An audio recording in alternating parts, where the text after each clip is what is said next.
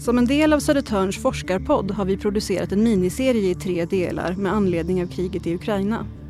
Här ska vi belysa olika perspektiv av konflikten och den pågående invasionen. Och nu i avsnitt nummer två ska det handla om svensk säkerhetspolitik. Det pågående kriget i Ukraina innebär en hotbild mot Sverige och har lett till stora säkerhetspolitiska förändringar.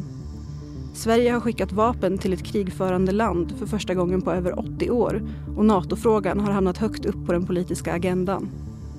Vad innebär kriget för Sveriges säkerhet? Kommer vi gå med i NATO? Och på vilket sätt banar den här krisen väg för ny politik? Vi ska också prata om krigets inverkan på mentaliteten i Europa Driver den på utvecklingen mot nationalism, militarisering och stängda gränser? Eller öppnar den för ett ökat samarbete och svetsar samman EU, NATO och väst?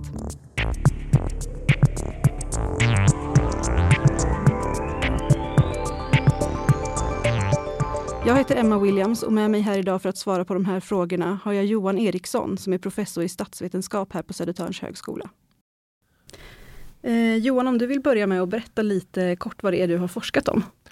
Ja, eh, det som jag forskar om just nu eh, är, är ryska rymdprogrammet och eh, visioner i Ryssland om rymden, både inom politiken och inom eh, populärkulturen kan man säga. Annars har jag forskat mycket om politik och teknik, eh, cyberfrågor, bland annat internetreglering och sånt och, och även forskat tidigare om svensk säkerhetspolitik och hotbilder. Idag har jag tänkt att vi ska prata mer om det här aspekten med säkerhetspolitik.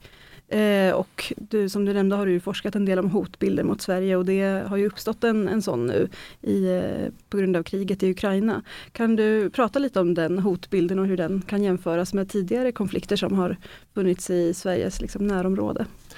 Ja absolut. Eh, eh den, man kan skilja mellan den reella hotbilden och den så att säga, uppfattade hotbilden. Eh, och eh, då kan man säga att eh, nu när kriget startade så blev de flesta experter och beslutsfattare överens om det reella hotet. Eh, anklagar Ryssland för invasionen, den olagliga invasionen av Ukraina. Men också för att Ryssland, som man säger, eh, hotar den europeiska säkerhetsordningen med suveräna stater som har territoriell integritet. Och också uttalar hot direkt mot eh, Sverige och Finland till exempel med kränkningar och hot till och med om väpnade angrepp som inte kan uteslutas. Då. Så det är en direkt rejält höjd hotbild mot omvärlden. Eh, men innan kriget inträffade så skilde ju sig uppfattningarna bland experter och eh, beslutsfattare. Eh, där vissa experter menar att eh, det var väldigt stor sannolikhet för att kriget skulle ske. När den här uppbyggnaden skedde i, vid gränsen till Ukraina. Men, en, men många andra trodde nog att det ändå inte skulle ske. Så många har ju också efteråt varit ärliga och sagt att vi blev överraskade. Så det, den här skillnaden mellan reell och uppfattad hotbild har man kan säga försvunnit nu när det har blivit en verklighet. Mm. När hände det senast att eh, Eh, ett annat land hotade, hotade Sverige på det här sättet med, med Ja, det som jag direkt kan komma att tänka på det var ju eh, den sovjetiska ubåtskränkningen eh, i början av 80-talet, U137 i Karlskrona skärgård. Eh, där Sovjet hade då en atomvapenbestyckad ubåt i, djupt inne i svensk skärgård nära eh, den flottbasen i Karlskrona och som ledde till att vi var väldigt nära en väpnad konflikt med Sovjetunionen. För Sovjetunionen kom med en flottstyrka som stannade precis utanför svenskt territorialvatten och krävde att vi skulle släppa den. Eh, annars skulle de eh, med våld ta tillbaks ubåten. Och eh, Sverige sa att ja, vi ska hålla gränsen och äh, kommer de över gränsen så måste ni skjuta på dem. Och så det, var ju, det var det som jag kan tänka mig närmast för svensk del. Och det var ändå länge sedan? Ja. ja så det här är ingenting som eh, hör till vanligheten att Nej. sådana här hot uttalas? Nej. Um, Du har pratat tidigare om att eh, Kriminvasionen som ju skedde redan 2014 eh, ledde till eh, förändringar i försvarspolitiken men inte i utrikespolitiken. Och det här pågående kriget har du sagt inneburit väldigt stora säkerhetspolitiska förändringar. Kan ja, du absolut. berätta lite om ja, dem? Men försvarspolitiken den började ju förändras redan efter, som du sa, Rysslands olagliga ockupation av Krim och östra Ukraina 2014. Då vi fick en kraftigt höjd försvarsbudget. Och också att fler partier eh, då svängde och sa att eh, från ett eh, eh, nej eller en ja till ett ja till NATO. Även om man inte aktivt drev frågan. Eh, det som har hänt nu efter eh, Rysslands invasion av Ukraina nu eh, för ett par veckor sedan är ju att fler partier i riksdagen aktivt driver frågan och alla nu senast Moderaterna som sa att det blir en valfråga eh, att vi ska söka medlemskap i Nato så fort det går i princip. Eh, och det är ju en stor förändring eh, av den svenska eh, säkerhetspolitikens debatten kan man säga. Vi kan också se att eh, svensk utrikespolitik förändrades ganska radikalt när vi bestämde oss för att liksom många andra västländer inte bara skicka eh, mat och, och eh, kroppsskydd och liknande utan även vapen, de här pansarskotten 5000 som skickades i början av kriget till Ukraina. Eh, vilket markerar att vi är inte neutrala, vi står på Ukrainas sida. Vi står på samma sida som Nato i den här konflikten. Vi är inte med i Nato men vi är med i den bredare västalliansen kan man ändå säga indirekt eh, genom detta. Så det är ju ett tydligt ställningstagande och en och tydlig förändring. Sverige har inte skickat vapen till krigförande land sedan andra världskriget och man gjorde det till Finland när Finland stred mot Sovjetunionen. Mm. Och vad tror du att det kan få för konsekvenser att Sverige har ändå gett sig in på det här sättet att de faktiskt har skickat vapen? Ja det, det är ju en reaktion på, på att Ryssland har brutit mot den europeiska säkerhetsordningen och inte invaderar suveräna länder. Men det, eh, är ju, det får ju konsekvenser som eh, just med att NATO-frågan, NATO-medlemskap blir betydligt mer aktuellt. Och eh, det blir svårare och svårare att värja sig eh, mot det om man nu har invändningar, vilket det finns inom socialdemokratin och inom Vänsterpartiet, eh, Miljöpartiet bland annat. Medan de övriga partierna är mer eller mindre överens om att det är det som är lösningen eh, i det här läget. Eh, för att få en, en försvarsgaranti kan man säga. Så det, det är en stor förändring, eh, verkligen, som man kanske inte hade räknat med. Eh, men jag, jag tänkte nog innan, eh, där, tidigare år när frågan har kommit upp, när eh, är det sannolikt eller vad skulle krävas för att Sverige skulle söka NATO-medlemskap? Ja, då handlar det om ett större krig i vårt närområde, kanske direkt i Östersjön. Nu är ju det här inte direkt i Östersjön men det påverkar ju oss ganska kraftigt så det är inte förvånande att frågan eh, väcks nu om NATO-medlemskap. Nej, eh, och om vi pratar vidare om det här med politiken så har du sagt att, att kriser kan innebära både hot och, och möjligheter och möjligheter då i den eh, bemärkelsen att eh, politik som man inte har kunnat få igenom tidigare helt plötsligt går att få igenom. Vad, vad finns det för exempel på, på det i den här konflikten? Ja men eh, just eh, eh ehm, jag är verkligen ingen konspirationsteoretiker utan det är snarare så att eh, det är klart att eh, Eh, partier, personer, experter som har drivit frågan om NATO-medlemskap länge nu ser chansen också att, eh, att få gehör för det. Vi ser ju också en ökning i opinionen i stödet för detta och i, i Finland har det ju som man diskuterar, ska vi söka medlemskap i NATO måste vi göra det tillsammans med Finland som är vårt närmaste broderland och som vi redan samarbetar nära militärt med. Och där har ju stödet för NATO-medlemskap ökat otroligt kraftigt mer än i Sverige. Det jag tror att det ligger på 60 procent någonting Eh, kan vi kontrollera exakt vad det ligger på.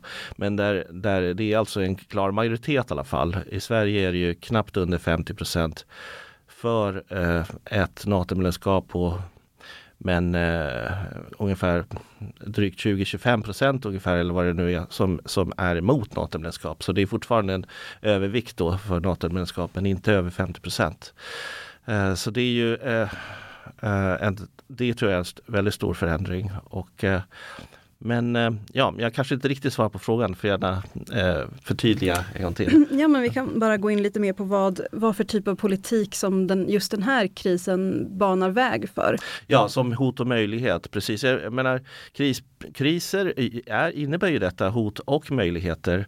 Eh, för eh, möjligheter för eh, annan sorts politik, för reformer som många kanske har krävt skulle behövas men som inte har varit möjliga tidigare.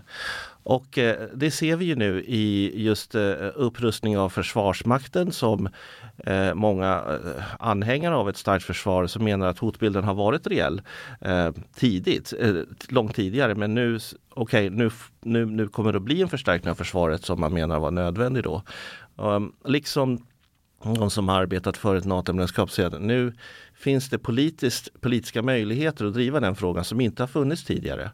Eh, så det är klart att på det sättet så är det en möjlighet. Vi kan också se att det har ju faktiskt på e- europeisk nivå också en förändring av ett en betydligt starkare samordning av eh, flyktingkrisen än vad vi har sett eh, flyktingkrisen 2014-2015 till exempel. Så det är ju det är också en förändring och en möjlighet till en mycket tydligare solidaritet på det sättet bland eh, e EU-länderna eh, och NATO-länderna. Så på det sättet kan man säga att en kris som är fruktansvärd samtidigt innebär möjligheter för större krafttag än vad man hade klarat av tidigare. Mm. Ja, för eh, som jag förstått det så har det här också verkligen påverkat eh, mentaliteten i, i Europa när det gäller eller utvecklingen. Vi har ju varit på väg åt ett håll som har inneburit mer nationalism och stängda gränser och eh, Driver det här, den här konflikten på utvecklingen åt det hållet eller, eller är det den här andra sidan med att Europa enas och eh, ja. sluter upp bakom Ukraina som är... Ja, ja men precis, men, men både och det är ju Alltså eh, nationalismen stärks ju både dess positiva och negativa sidor kan man säga här. Eh, Eh, det som eh, Putin eh, nog inte räknade med det var den här starka nationella uppslutningen i Ukraina och stoltheten över sitt land och att beredskapen att offra sig och försvara sitt land som har varit häpnadsväckande. Det, det kan man säga att det, det, det, man, det finns en gammal sanning som säger att det finns inget som förenar ett folk så mycket som ett yttre hot. Och det kan man säga det bevisas här också just för Ukraina. och Så vi ser ju den typen av nationell uppslutning eh, som man kan uppfatta som värdefull. Eh, samtidigt har vi även innan det här eh, fruktansvärda kriget sett en förstärkning av nationalism även i Västeuropa och eh, övriga världen med eh, eh, allt mer slutna gränser, eh, hot mot frihandel som inte minst har kommit från eh, Trump-regimen. Nu, nu är det ju Biden som ändå är mer förespråkare för, för frihandel och multilateralism än vad Trump var som var mycket mer isolationistisk. Men vi har sett i, i, i stora delar av världen med ökade svårigheter för migration och för eh, Eh, ja, minskad globalisering egentligen och tillbakagång för globalisering. Och det kan vi nog säga att det eh, innebär det här kriget också på många sätt. Framförallt för Ryssland som ligger helt isolerat eh, ekonomiskt också och socialt och politiskt. Men det påverkar ju världshandel också på väldigt många sätt där det blir en ny eller ny gammal blockuppdelning tror jag. Vi kommer ju fortsätta ha Eh, frihandel inom, eh, inom väst så att säga men med, med Ryssland och kanske med Kina så blir det också svårare som är ändå eh, stormakter. Ehm, så det är, det är några konsekvenser. Men generellt sett menar jag att det här, eh, som, vad ska man säga, den här kosmopolitiska idéer om eh, att vara världsmedborgare, så där, den typen av idéer uh, har försvagats genom, det, och det är en, en, ganska vanlig konsekvens av krig, ty, tyvärr kan man tycka. Men så är det. Mm. Du sa att Ryssland har inte alls varit förberedda på den här eh, eh, enandet av Europa bakom Ukraina. Vad tror du att det eh, har för konsekvenser för kriget? Ja, ja eh, nej men det, det visar att eh, motståndet, det enade motståndet mot eh, Ryssland eh, med alla dessa sanktioner inte minst och det direkta stödet till Ukraina eh, tror jag inte att Ryssland och Putin hade räknat med. eftersom vi har sett eh, bristande sammanhållning tidigare och precis innan också eh, med stora konflikter inom EU och eh, tendenser till också eh, interna eh, skiljaktigheter inom Nato också. Framförallt så var det under Trump, men vi har sett inom EU också. Det var, det var väldigt svårt att få samordning under förra flyktingkrisen och allra senast eh, så vi har ju sett Eh, tendenser till att inte vilja inordna sig under EU från Polen och Ungern till exempel som har gått i en ganska auktoritär riktning inrikespolitiskt. Men plötsligt nu så står man upp och öppnar sina gränser och tar emot de här flyktingarna och eh, eh är med på en, en mycket stark eh, samma, samordning inom EU och, eh, och Nato. Och det där tror jag absolut inte att eh, Putin hade räknat med vilket nog tyder på kanske bristande förståelse för omvärlden och bristande förståelse för konsekvenserna av sitt invasionskrig. Ehm, så man kan säga att, att konsekvensen är ju eh, tvärt vad Putin hade hoppats på eller förväntat sig ett mycket stark, en mycket starkare front från väst mot eh, Ryssland på alla sätt. Den är inte vattentät. Vi ser fortfarande att det är en stor, fortfarande än idag, nu då, en stor gas och, och eh, import ifrån Ryssland eftersom Tyskland energibehov är så otroligt beroende av eh, importen från Ryssland av gas. Nord Stream 2 som skulle hända, det har ju, har ju avvecklats men Nord Stream 1 finns ju kvar. Eh, så det är ett väldigt stort beroende och eh, även om det är massa banksanktioner och allt det där så finns det ju fortfarande vissa möjligheter för eh, bankkontakter också. Som, så det är, inte, det är ju inte ett, en så fullständig sanktionering även om den är väldigt kraftfull. Och det finns pågår diskussioner om att stänga av totalt alla ekonomiska kontakter med Ryssland men än så länge har de inte nått dit. Eftersom det skulle innebära eh, eh, direkta svårigheter för eh, Tysklands, Italiens bland annat eh, för energiförsörjning. Så ja, så är det. Mm. Men finns det något sätt som de här länderna kan göra sig eh, oberoende av Rysslands olja och gas eller är det något vi kommer få helt ja, enkelt acceptera? Eh, ja, men det finns det ju och jag är inte någon expert på just energiförsörjningen där men det är klart att det, det finns alternativ även om det kanske kommer att vara helt enkelt en brist på, på gas som man är beroende av nu och det tar tid att ställa om systemen. Och eh, vi ska komma ihåg att i Tyskland så har man ju efter Fukushima-katastrofen i Japan eh, sig för att stänga ner alla kärnkraftverk. Så kärnkraften finns inte kvar i Tyskland. Man har också bestämt sig för att stänga ner kolkraften eftersom den är så otroligt miljöförstörande. Eh, och eh, då, men man har valt att behålla beroendet av rysk gas.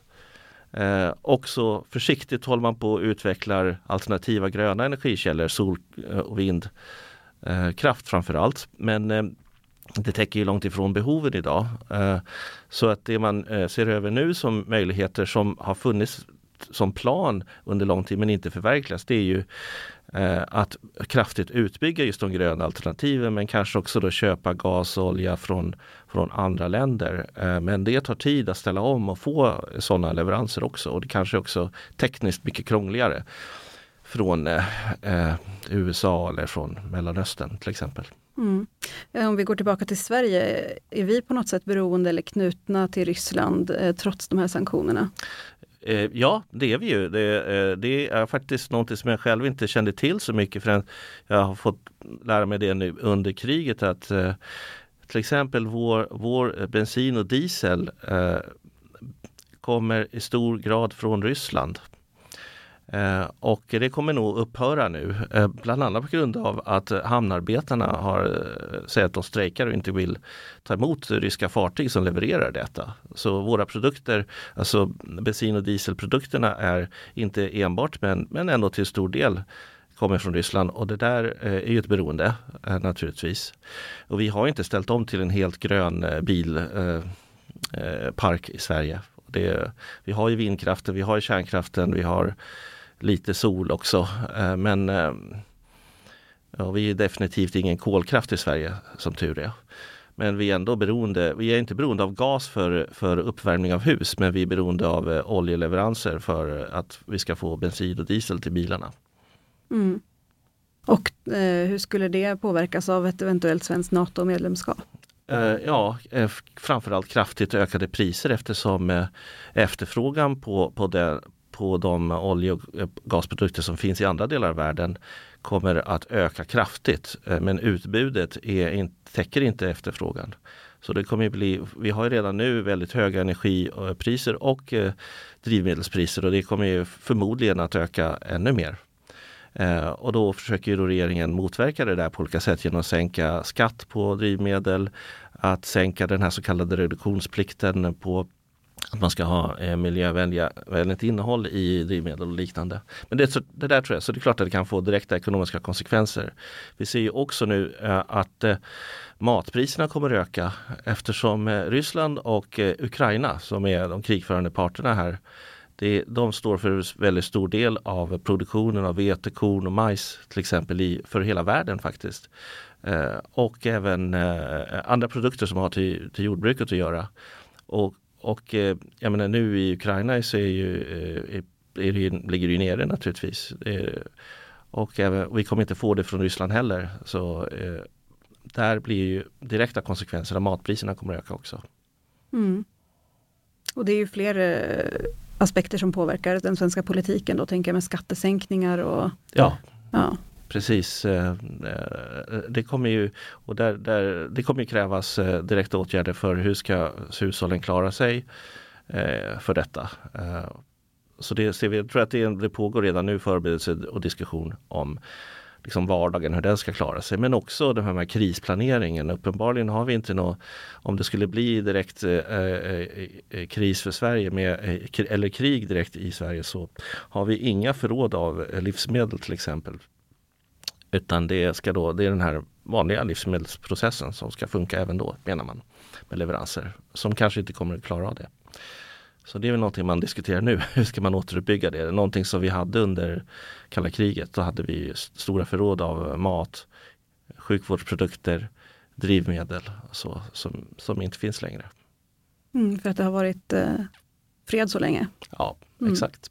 När den här konflikten väl är slut, när det nu blir, tror du att vi kommer lämnas kvar med känslan av att vi har enats som, eh, som i Europa eller eller snarare att den här splittringen är det som lever kvar med att länder vill inte vara beroende av varandra och man blir mer isolerad och stänger sina gränser. Eh, jag tror att den här eh, totala uppslutningen nu under den, det aktuella kriget och krissituationen den det, det har historien visat, det brukar vara temporärt. Eh, så att eh, eh, efter en viss tid, det kan dröja månader, kanske år, så kommer andra behov att vara viktigare och eh, livet fort, går vidare i, i de länder som inte är direkt drabbade av kriget. Det blir andra behov som har med vård, skola, omsorg, ekonomin att göra som blir mer prioriterade eh, som eh, beslut för att politiker måste ta hänsyn till. Så, det där, så den vardagen kommer ikapp efter ett tag, eh, det tror jag. Eh, och eh, chocken över kriget som eh, har funnits nu kommer efter ett tag att lugna ner sig. På gott och ont kanske. Men så, och det, det, det, kan man säga det är egentligen en observation av hur det sett ut i andra kriger och kriser genom historien. att Även det mest fruktansvärda kan efter en tid uppfattas som någon form av normalitet. Och det gäller ju de länderna i, om, i omvärlden. Det, men det, vi ser en, ett exempel på det är direkt faktiskt i, i Ukraina också. Som rapporterna därifrån visar att till exempel i huvudstaden Kiev så så finns det en viss normalitet, att folk är inte är lika rädda när flyglarmet går. Eh, man har försökt att hålla restauranger och kaféer öppna och folk kan gå och handla och tåget går fortfarande, det har inte bombats av ryssarna. Så det finns ändå ett försök att leva så normalt som möjligt även under de mest fruktansvärda omständigheter. Om det kan gälla i det krigsdrabbade landet så kommer det definitivt att bli så även i omvärlden. Eh, men om vi avslutar lite grann med att prata om, om Sverige och Nato. Tror du om du får spekulera lite, tror du att vi kommer gå med i NATO? Um, eh, jag vill inte så här, gissa eh, liksom ja eller nej på det. Utan jag vill snarare peka på eh, Därför att det inte, det är inte eh, givet att vi går med i NATO. Eh, men definitivt att frågan kommer att väckas.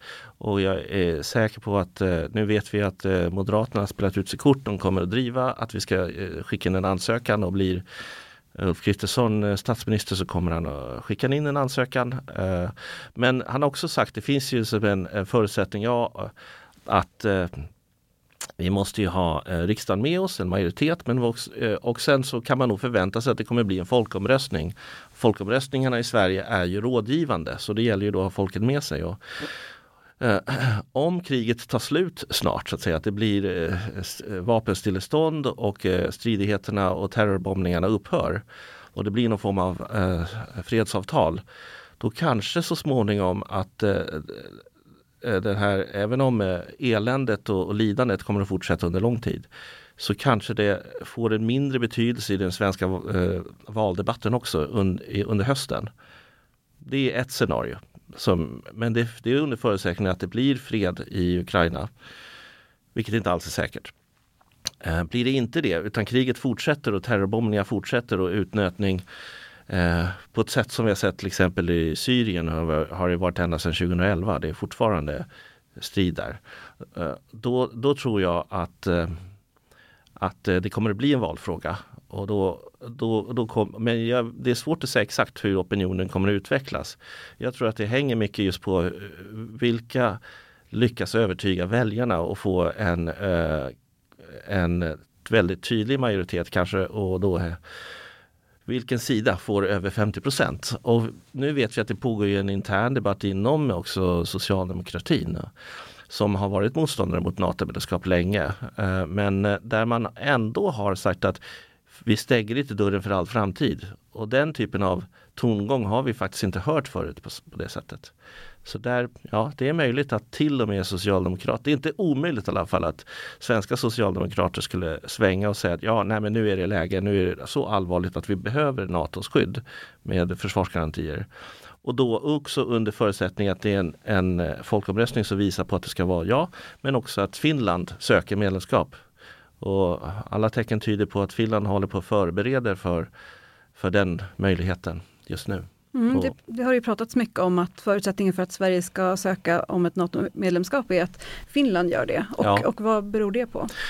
Eh, det beror på sådär uppfattningen om ett broderskap eller systerskap med, med Finland och att vi under, eh, vi har ju tillhört samma rike en gång i tiden men det handlar om mer i modern tid om, eh, jag tror att det är just eh, känslan av samhörighet som är väldigt stark med Finland som vi har. Vi har ju Eh, delvis en språklig gemenskap, vi har en kulturell gemenskap. Eh, Eh, nu är båda länderna med i EU, båda länderna står utanför NATO. Eh, men vi har ju också under lång tid eh, haft ett försvarssamarbete som också förstärkts bara under, under våren här nu. Också. Och det har blivit en, ett ställningstagande som för båda länderna att ska vi söka medlemskap i NATO så ska vi göra det tillsammans. Eh, och det tror jag att de båda ländernas företrädare eh, inte kommer att släppa utan det kommer man att, att försöka göra. Så eh, ja, nej men det, det ligger bakom detta och det uppfattar man också inte bara av någon slags eh, så att säga, känsla av samhörighet utan det uppfattar man som eh, nödvändigt av säkerhetsskäl egentligen för att inte det landet som kanske inte söker medlemskap blir liksom ensamt lämnat då kvar. Utan det uppfattas som en styrka om båda länderna kommer med i NATO samtidigt så kommer de hamna under NATOs försvarsplanering och eh, det här är artikel 5 om att ett anfall mot ett NATO-land eh, innebär ett anfall mot hela NATO, alla länder i NATO. Eh, och det skulle då gälla eh, om båda länderna gick med. Eh, så det, det tror jag är både en känsla av samhörighet att vi gör det här tillsammans men också själva säkerhets eh, tänkandet att hotet, eh, att Ryssland kommer ju eh, reagera otroligt negativt naturligtvis på det här men eh, som de redan har visat och hotat så att säga med vad, vi nu, vad det innebär, någon form av militära eh, svar på svenskt finskt eh, NATO-medlemskap. Eh, men det hotet finns ju redan. Så skillnaden i slutändan blir så stor, det vet vi inte. Men jag tror att man tänker att det är, det är ökad trygghet om båda söker samtidigt. Mm. Och nu har det väl kommit någon form av garanti om skydd under själva ansökningsprocessen också? Ja, jo, eh, just det. Vi har ju, vi har ju på många sätt så är ju Sverige och Finland har ju väldigt, nått väldigt långt och är så nära att vara NATO-medlem med någon form av skydd från NATO redan. Vi har ju för svensk del bland annat ett så kallat värdlandsavtal som innebär att vi kan eh, bjuda in eh, eh, till exempel amerikanska eh, bombflygplan och, och krigsfartyg att eh, ta skydd i och eh, basera sig i svenska hamnar och svenska flygplatser eh, och få trupp hit eh, med värdlandsavtalet. Vi deltar nu just nu då under, med det fördjupade samarbetet med underrättelseutbyte så vi får underrätt och delar underrättelser med NATO direkt. Så det, det kan man säga, det är vad allierade gör. Och det, som, det, det, sista som saknas då det är att sitta med i själva beslutsfattandet. Vi har inte formellt beslutsfattande i NATO. Vi, är, vi har inte heller den, den eh, automatiska försvarsgarantin som artikel 5 i NATO-stadgan innebär. Eh, men som du sa, eh, olika aktörer, framförallt Storbritannien men också USA har ju på olika sätt visat att skulle Sverige och Finland bli angripet så kommer någon form av insats att göras. Exakt vad det innebär det vet jag inte. Men, eh, men det tror jag att vi, vi skulle kunna räkna med att de inte kommer att stå passiva då, även militärt. Även om vi inte är med i NATO? Även om vi inte är med i NATO. Men på vilket sätt, vilken omfattning, det är lite svårare att säga. Mm. Ja, vi får se om vi får reda på det. Mm. Mm, då får jag tacka dig så mycket för att ja, du ville själv. komma hit och prata. Vill du läsa mer om kriget och om Ukraina kan du gå in på sh.se ukraina där vi har samlat nyheter och aktuell forskning från Södertörns högskola.